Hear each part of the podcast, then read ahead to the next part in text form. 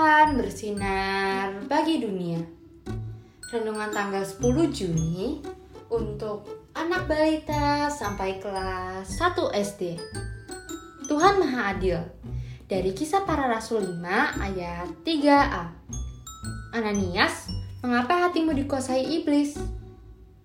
Bintang, Riko, dan Angga senang bermain bersama di rumah Bintang. Setelah bermain, mereka langsung pulang. Mentari membantu Kak Bintang merapikan mainan yang berserakan di lantai. Kak, superhero ini punya siapa?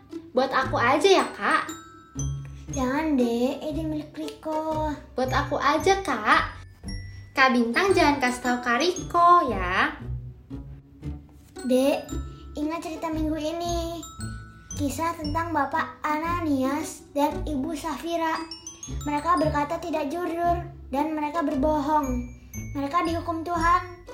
Tuhan tidak menyukai orang yang berbohong.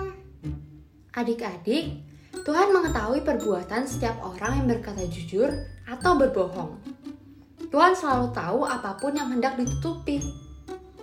Dengan mengingat kisah Bapak Ananias dan Ibu Safira yang dihukum Tuhan, mari adik-adik selalu berkata yang jujur. Anak jujur disayang Tuhan dan orang lain. Mari kita berdoa. Tuhan Yesus, ampunilah aku yang selalu berkata tidak jujur. Ajarilah aku berkata yang benar. Terima kasih Tuhan. Amin.